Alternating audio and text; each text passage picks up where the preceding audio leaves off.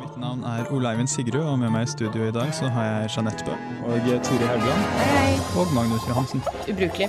Dyrets tegn i fanen, altså. Ja. Ja. Eh, og jeg er enig i at det er en veldig spennende idé. Molekyler med rare navn. Populærvitenskap gir labdidab. Du er enig. Uillustrert vitenskap.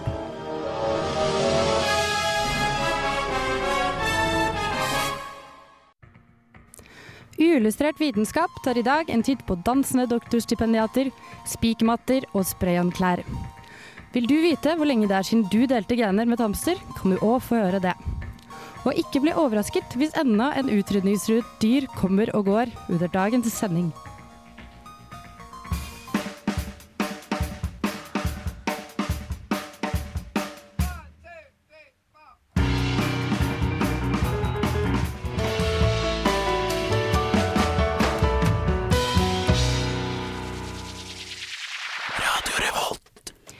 Hei, hei og velkommen. Du hører på Uillustrert vitenskap, og der hørte du akkurat Neil Cowley Trio med Gerald. Jeg heter Turi Haugland og har i studio med meg Jeanette Bø. Hallo, hallo. Hei, og Ole Eivind Sigrud. Hei, hei. Hvordan uh, står det til? Det står veldig godt til. Helt jævlig. Flott. Helt jævlig. Men ting blir bedre, gjør det ikke? Ja, blir det. Kanskje. Uh, overalt i media i dag syns jeg det popper opp artikler om utrydningstruede arter. Uh, her i Uillustrert vitenskap er det nok uh, ingen unntak for dette. Jeanette, hvilket stakkars dyr har du snublet over nå? En saloa. Det vil du fort få høre hva er for noe. Det er ikke, det er ikke glade nyheter. Ikke glade nyheter. Det er gjerne ikke det. Så uten flere forsinkelser, her får dere dødsannonsen. Dødsannonsen. Dødsannonsen. Dødsannonsen. Dødsannonsen. Et av verdens mest sjeldne pattedyr, saloaen, er en art mellom ku, antilope og geit som lever ved grensen mellom Laos og Vietnam. Dette er et dyr som myten om den magiske enhjørningen kan ha kommet fra. Shun the non-believer. Shun. Shun.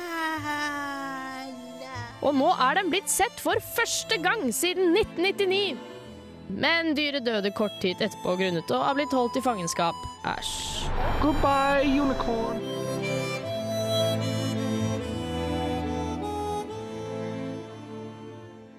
Radio Revolt.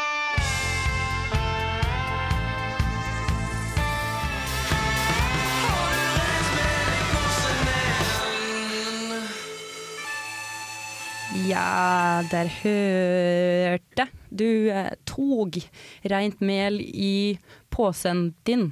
Men de sang posen, det hørte jeg. Det er sant, men det står posen, så det burde de endre på selv. Ja. Um, før det var det jo dødsannonsen til Saulan i Asia. Meget, meget trist historie. Det var litt kombinert fødselsannonse og dødsannonse før det. Ja, de hadde akkurat funnet den igjen. De hadde ikke sett den på over ti år, og så døde den. Fordi jeg lurer litt på hva, hva som skjedde idet de fant den. Fordi den skal visst ha blitt fanga av eh, noe folk eh, boende i Laos. Lokalbefolkning. Ja, eh, men den ble så svak i fangenskap at den døde med en gang forskerne rakk å komme ned. Så jeg lurer på hva de har gjort med den stakkars, eh, stakkars dyret. Det har jeg ikke anelse på, men jeg så jo bildet av den på internett, og det så ikke ut som den hadde det så fint. Den lå jo bundet til en, eh, et tregjerde, Ja, og så ikke helt happy ut, akkurat. Ikke akkurat sitt habitat. Det er en grunn til at vi ikke ser dem, det er fordi de har lyst til å være i fred. Antageligvis, ja. Men eh, kroppen ble vel brukt til noe i det minste. Ja, de, de bruker jo den til å forske litt på nå, da. Så de tok med seg det døde dyret. Det er godt. Og apropos dette området og eh, 90-tallet, der skjedde det en del dyreoppdagelser. Jeg kom da over eh, en eh, pattedyr som av lignende slekt, eh, muntjakken. Det var tre typer muntjakker som ble oppdaget da på 90-tallet. Eh, Muntiacus putanoensis, ja, det var ikke så bra uttalt. Eh, også kalt løvhjort på norsk. Eh, det da regnes som minste hjortetype, og er mindre enn eh, en meter høy. Og Yes. Eh, ja, alle de er da funnet i samme område opp på 90-tallet, og alle er da utrydningstruet. Det er ganske trist. Hmm. ja, de er listet på IUCN fordi de blir jaktet på, og de mister stadig habitatet. Så det virker ikke som lokalbefolkningen er eh, så veldig glad i de, egentlig. Nei, de liker å fange de og putte i en sekk. Nå vet vi om eh, det blir satt i gang litt sånn tiltak for å få opp bestanden, nå som vi vet at de finnes. Det vet jeg. Jeg tipper det er det de forsker på nå, med den kroppen. Jeg, jeg håper de ikke bare skal stikke den med pinner. Det er mulig. Apropos den døde kroppen, det er jo den andre muntjakken. Den, eh, den eh, vet vi bare om fordi vi har funnet noen døde kropper. Vi har altså aldri hatt et levende eksemplar av den. Yes. Vet vi at det finnes levende fremdeles? Eh, det er litt usikkert. Jeg tror, altså, jeg tror denne, disse muntjakkene da, står merket under sånn Jeg tror det var DD, jeg er ikke sikker på hva det står for. Men det betyr at man har ikke tilstrekkelig informasjon om de, men ettersom de det finnes så lite av de, eller man ser så lite av de, så regner man med at de er utrydningstruet. Det er jo egentlig utrolig spennende det at det fortsatt finnes steder i verden som ikke er sånn dypt under havet, der det finnes eh, relativt store pattedyr som eh, man i retten rett og slett ikke hadde dokumentert fantes. Jeg trodde de bare lette etter eh, biller og fluer nå, jeg. Ja. ja, fordi jeg er ikke overrasket når vi finner nye froskarter og nye insektsarter og sånne ting, men når man finner et hjortedyr som er på størrelse med et rådyr, så er det litt sånn oi, Jeg føler hvorfor har vi ikke hørt om det før? det har blitt gjort litt sånn dårlig arbeid, egentlig. Du burde ha sett et jævla hjortedyr nå. Burde du ikke det? Men de, de er jo veldig små, i hvert fall de muntjakkene jeg kom over. Mindre enn en meter. Oh, kjempesmå søte. Og så var det jo en kjempestor da, wow, som er som en sånn stor hund. Men uh, det er jo ganske bra gjort uh, for det. Man Ja. legger jo merke til hvis man ser er det det som kanskje ikke utenkelig at lokalbefolkningen har kjent til dem i mange år, da, men så eh, har de bare ikke giddet å beskrive dem i den vitenskapelige litteraturen. Det er sant. Slapt. Så vi ser et eh, stort problem her. Det er lo lokalbefolkningen. Rett og slett. Fysj. Ja. Så jeg, jeg sier bare til alle annen, annen lokalbefolkning at hvis dere finner en eh, art og prøver å fange den inn, prøv ikke drepe den da, før forskerne kan eh, Du har, du har litt ansvar selv om du bor der ingen eh, skulle tro noen kunne bo, eller hva det heter. Så sant, så sant. Det, det er helt enig i. Em, vil du vite hva som har skjedd av Forskningsnytt den siste uka? Ja, da får du bare holde deg på FM 100 106,2 til etter Mushini Wam Squeak Matambo.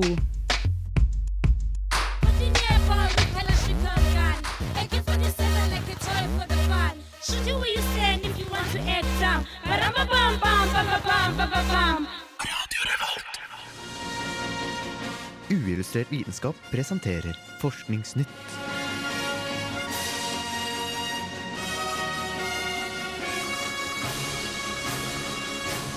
Forskningsnytt. Siden den moderne spikermatten ble lansert i Sverige i 2008, har den funnet plass i hvert tiende svenske hjem og solgt titalls tusen eksemplarer i Norge. Matten ble sagt å skulle hjelpe mot vond rygg og dårlig søvn, men kunne ikke henvise til noen forskning som viste denne effekten. Nå er den første vitenskapelige studien på spikermattens effekt publisert. Konklusjonen ble at spikermaten verken lettet kroniske smerter eller forbedret nattesøvn. Svensk biodrivstoff er et gunstig miljøtiltak, viser en ny undersøkelse. Forskerne har vurdert hvordan forskjellige biodrivstoff påvirker miljøet, og sammenlignet dem med alminnelig bensin og diesel. Undersøkelsen viser at biodrivstoff produserer mellom 65 og 140% mindre drivhusgasser, selv når direkte og indirekte landbruksforandringer ble tatt med i beregningene. At flaggermus orienterer seg ved bruk av ekkolokalisering, har vi visst lenge. Men nå viser det seg at de kanskje også bruker de ultrasoniske signalene for å formidle sosial informasjon. Forskere har nå vist at en type flaggermus gjenkjenner skrikene fra bekjente flaggermus, og kan skille mellom sin egen og andre flaggermusarter.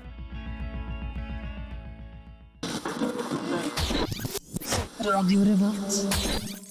Ja, du hører på Uillustrert vitenskap. Fortsett å gjøre det.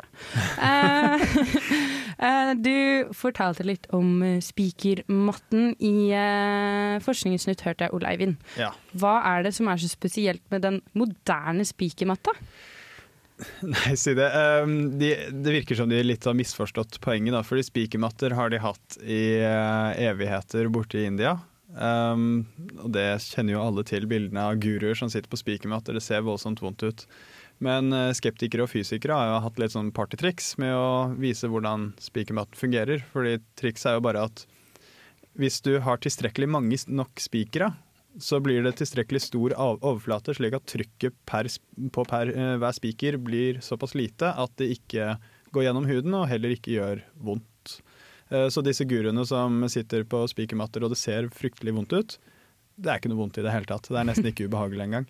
Um, og eh, mens så dro jo en sånn svensk um, yogakar over til India og begynte å uh, drive med sånn asketisk meditasjon og alt mulig rart. Og så kom han opp med denne sjaktimatten, eller i hvert fall det som står på nettsidene deres.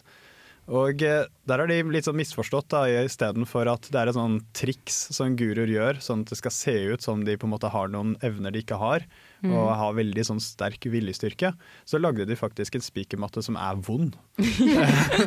og, av en eller annen merkelig grunn så ble den jo tidenes største salgssuksess. Det, den kom jo i 2008. Det var vel få som ikke fikk med seg at den eksisterte i 2009. eh, det var jo sånn årets julegave og årets sånn sommerkjøp.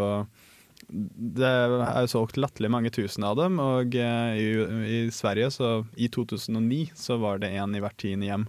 Eh, skal man tenke seg hvor mange det er nå. Det er ganske sjukt. Jeg så vi i Norge også hadde fått vår egen hjemmeside, spikermatte.no, Ja. der de reklamerer for eh, den vonde, klassiske svenske svenske spikermatta. Det er jo selvsagt ikke kun sjaktimatten lenger. Det er jo veldig mange som begynte å lage sine egne varianter. Eh, og de hevder jo at dette skal fungere for alt mulig rart. eh, da spesielt dårlig søvn og vond rygg, men eh, også andre typer smerter og alt mulig rart, avhengig av hvilken leverandør du går til. Mener at det skal fungere litt på samme vis som akupunktur og akupressur. Da tenker jeg på samme måte, altså ved placeboeffekten. Men de kunne da ikke henvise til noe forskning, da. Mens nå ble det da gjort en eh, undersøkelse. Hjelper den mot eh, søvnproblemer og eh, kronisk smerte, slik de har reklamert. Måten de gjorde det på, var de fant en rekke folk med kroniske smerter som kunne være med på undersøkelsen. Og så målte de en del smerteindikatorer både før, under og etter studiet. Og det ble en veldig klar konklusjon om at eh, den hadde ingen effekt på eh, søvn, stress, angst eller kronisk smerte. Eh, De fant en målbar senking av de aller verste smertetoktene. Det klarte de å måle. Så nå er det jo mange medier som har slått opp at jo, spikermatten den demper smerter, men det de fant var at den hjalp jo ikke mot kronisk smerte eller noe merkbart. Det var bare for de som med kronisk smerte, når det virkelig er som verst, hvis de legger seg på spikermatten, så, så var det en målbar demping. Men kan det være fordi du får vondt av å legge deg på spikermatten, altså du merker ikke at du har vondt et annet sted? Ja, jeg skulle tro at det var litt som at sånn, du slår kneet ditt, så gnikker du det litt, og så føles det bedre fordi det stimulerer noe annet. Um, så det skulle jeg tro. Uh, så kan vi også uh, gå litt inn på hvordan var den studien lagt opp. Det, det var jo kun 35 personer med i studiet, som jo er altfor lite. Eh, nå er det jo en litt sånn morsom grunn, eller egentlig litt sørgelig grunn, alt ettersom, eh, til hvorfor det kun var 35 personer med i studiet, var at for å være med i studiet, så måtte du være Du måtte ha kronisk smerter, men du kunne heller aldri ha prøvd spikermatten før. Og de Ah. fant kun 35 personer som ikke hadde prøvd spikermatten. Um, og da, når det er så lite datagrunnlag, så kan man jo selvsagt ikke være sikker på konklusjonene, så dette her er jo på ingen måte definitivt. Man må eventuelt forske mer hvis man i det hele tatt skal prøve å finne en effekt. Eh, men når det ene studiet man har, har så nedslående resultater, så er det i hvert fall ingen ekstra grunn til å løpe ut og kjøpe en spikermat. Ja. Det gir eh, heller eh, pekepinne på at du ikke burde gjøre det. Ja, helst ikke. Ja, jeg skal i hvert fall ikke bruke penger på det. Jeg har mye annet å bruke penger på. Tenk. Um, her er uh, Trackademics, 'Fool on the Hill'.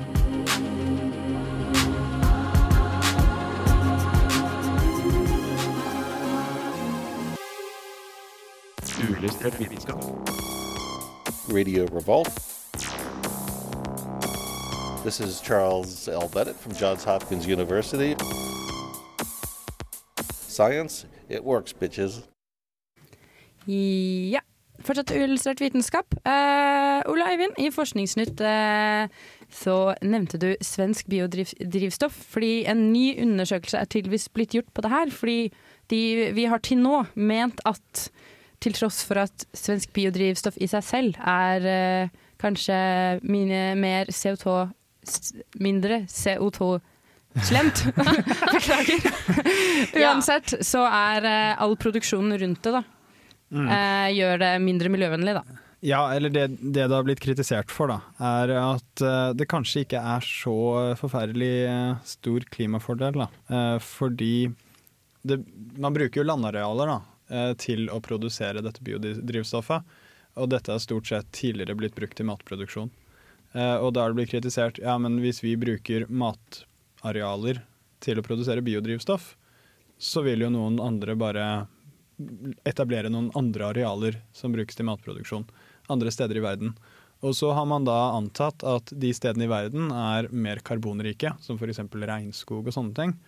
Som da vil føre til et eh, større utslipp i CO2, som vil veie opp for alle eventuelle miljøfordeler for biodrivstoff. Um, så da undersøkte de alle de forskjellige typer drivs- biodrivstoffene de har i Sverige. Det er en, egentlig en lang rekke biodrivstofftyper. Uh, og de fant faktisk at det var ingen bevis uh, som støttet uh, at det var tilfellet per dags dato. Um, så den mest, ja, mest miljøvennlige, eller minst miljøskadelige biodrivstoffet, det var biogass som var utvinnet fra gjødsel. Det hadde faktisk 140% mindre eller klimagassutslipp i forhold til eh, eh, bensin og diesel. Totalt, eh, da. Ja, på hele rekken. Og da er det også tatt med, da, med i beregningen at man etablerer eh, mer matjord andre steder. Da. Riktig. Eh, og selv de dårligste eh, biodrivstoffene, de var dobbelt så gode som kravet EU stiller, som da er at eh, biodrivstoff skal eh, føre med seg en eh, minst 35% kutt i eh, klimagassutslipp. Um, men så må man jo da også nevne at det kan jo hende i fremtiden at vi um, Hvis vi da går for raskt fra eh, matarealer til biodrivstoffproduksjon, så kan det hende vi får en negativ eh, vri, da. Med at det da etter hvert så blir det ikke så gunstig fordi vi da må kutte ned masse gunstige områder til matproduksjon. Men eh, med det produksjonsnivået vi har i dag, så er det ikke noe å bekymre seg over. Og det vil også være en stund til vi når det punktet. Og det her gjelder da svensk produksjon av ja, biodrivstoff. det var Sverige som ble undersøkt der, da. Så Sverige kan kose seg med biodrivstoff eh, en stund til, mens eh, vi nordmenn vi, Jeg har en fun fact. Ja. Jeg må, kan jeg få si den? Eh, Det er om eh, skotsk eh, biodrivstoff. Ja. Nå tar de pakker meg og eh, slenger whisky eh, som drivstoff nå. Det Eh, er men, bortkastet eh, whisky. Det syns jeg var bortkastet, jeg òg, da jeg leste den overskriften. Og så leste jeg litt til. Det er et biprodukt. Så for de av dere som bare har lest overskriften, det er et biprodukt av whiskyen. Jeg var ganske nervøs der jeg satt selv. Det er fortsatt trygt å dra til Skottland, med andre ord. Ja. De kaster ikke whisky. Okay.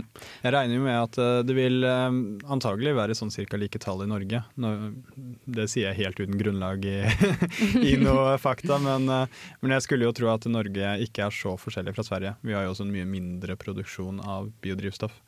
Um, mens f.eks. Brasil og sånn, der, der vet vi jo ikke om det stemmer. da. Ja. Der vil du også kanskje ha et behov for mer produksjon av mat Mm, mulig. til folket enn biodrivstoff.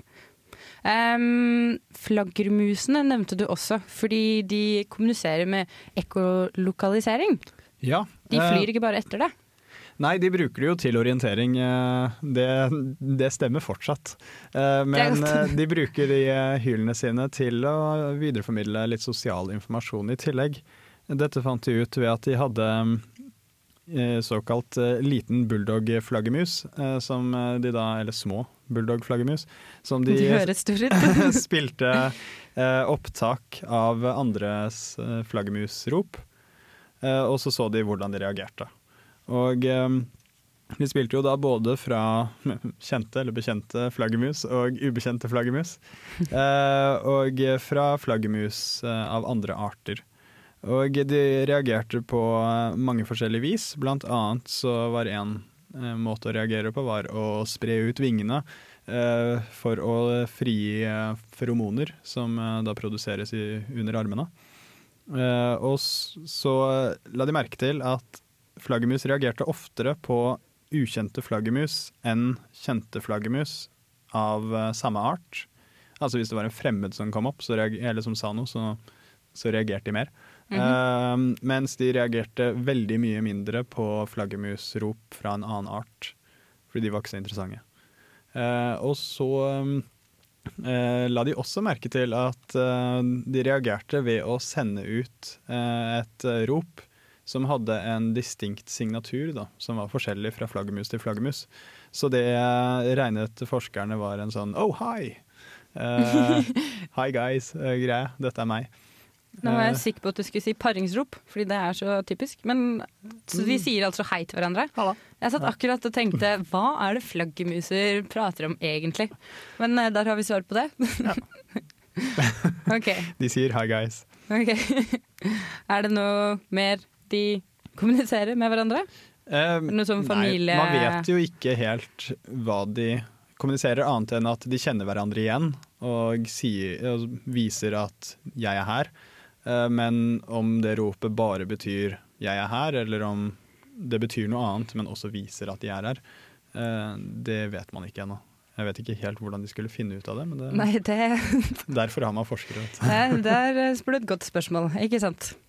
Eh, jeg sliter eh, alltid med å finne på hva jeg skal ha på meg hver morgen. Og faktum at jeg må stå opp tidligere for å bruke tid på det her, er utrolig irriterende. Men eh, Jeanette har da funnet løsningen for alle mine problemer. Mer om det etter Neil Estate.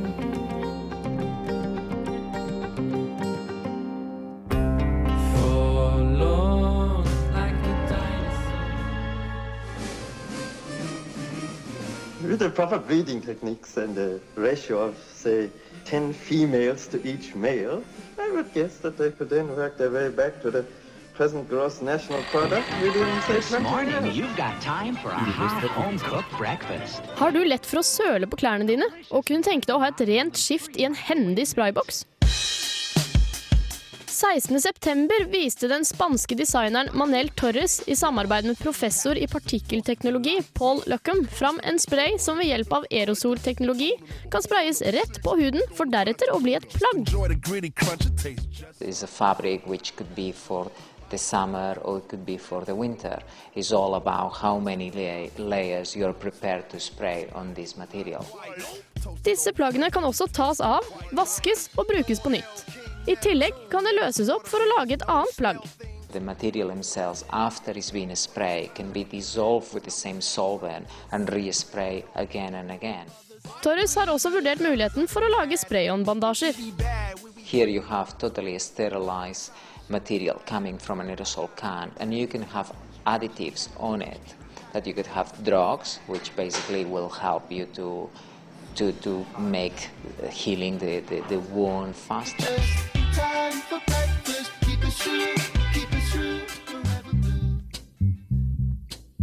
En annen flott spray-on-idé er i disse dager under utvikling på Universitetet i Florida.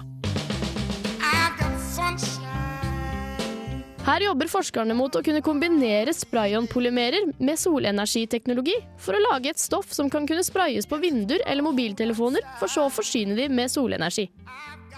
Foreløpig har de kun klart å fremstille spray-on-polymerer som skifter farge, noe de tenker å kunne utnytte på plakater og lignende.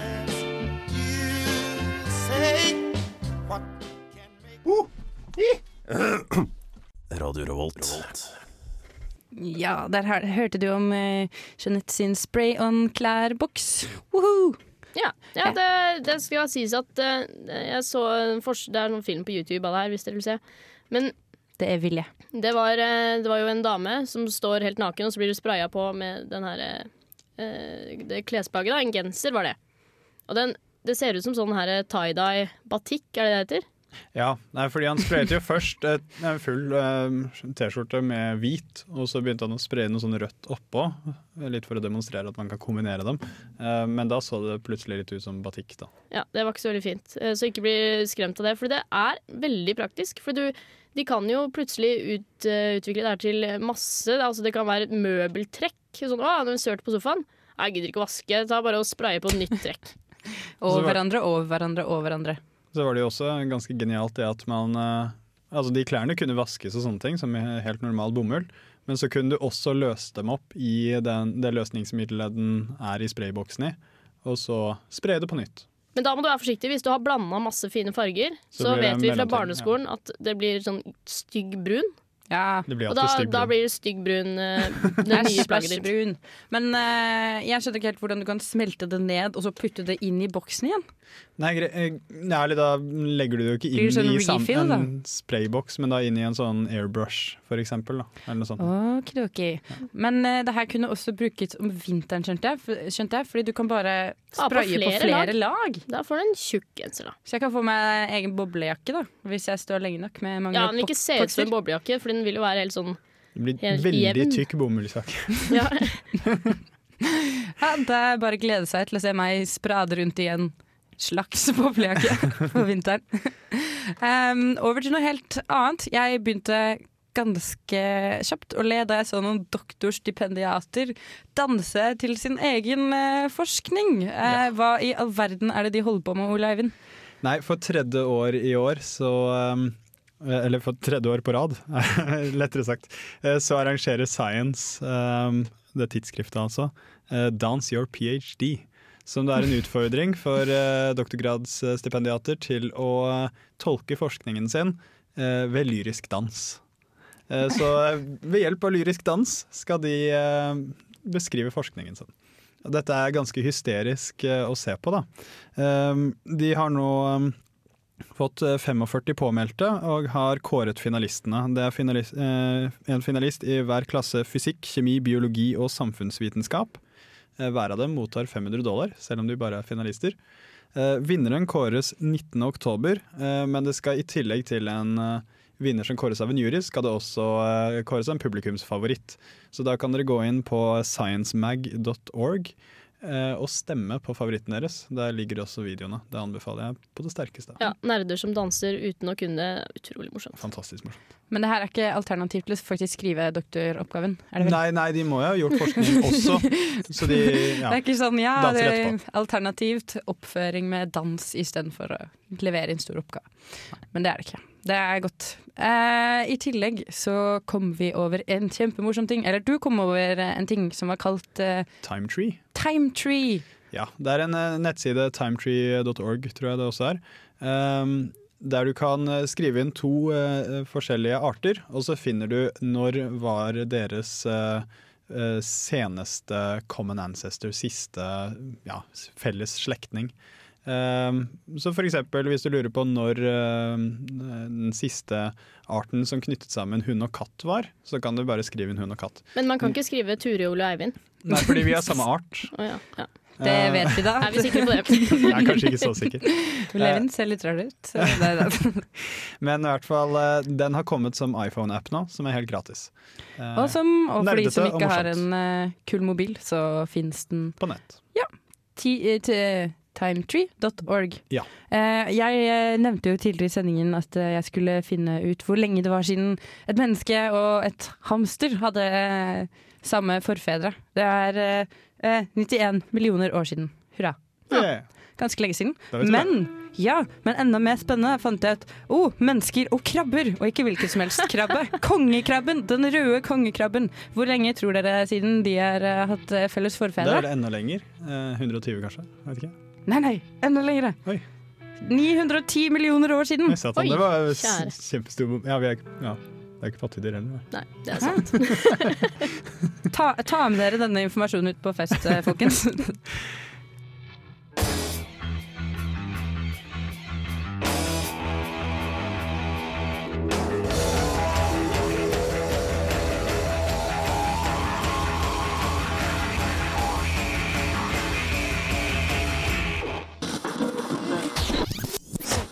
Revolt.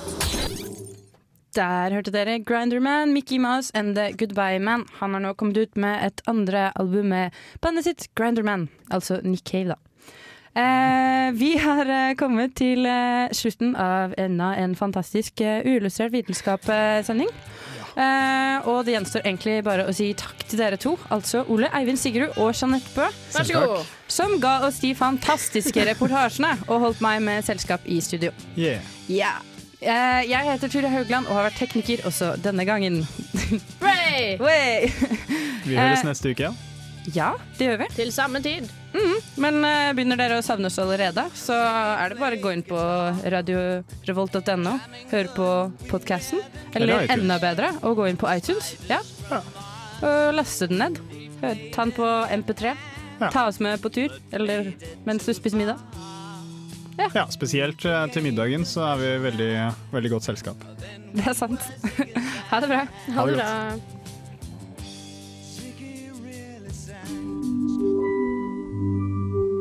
Uillustrert vitenskap er Midt-Norges eneste teknologimagasin på lokalradio. Og vi snakker om alt fra populærvitenskap til sære forskningsprosjekt ved NTNU. Radio Revolt, studentradioen i Trondheim, er stolt av å kunne presentere podkaster fra de aller mest populære programmene våre. Hvis du har lyst til å høre mer fra Radio Revolt, hvem vi er og hva slags musikk vi spiller, så kan du høre oss på FM-båndet i Trondheimsregionen, eller streame sendingene våre live på radiorevolt.no.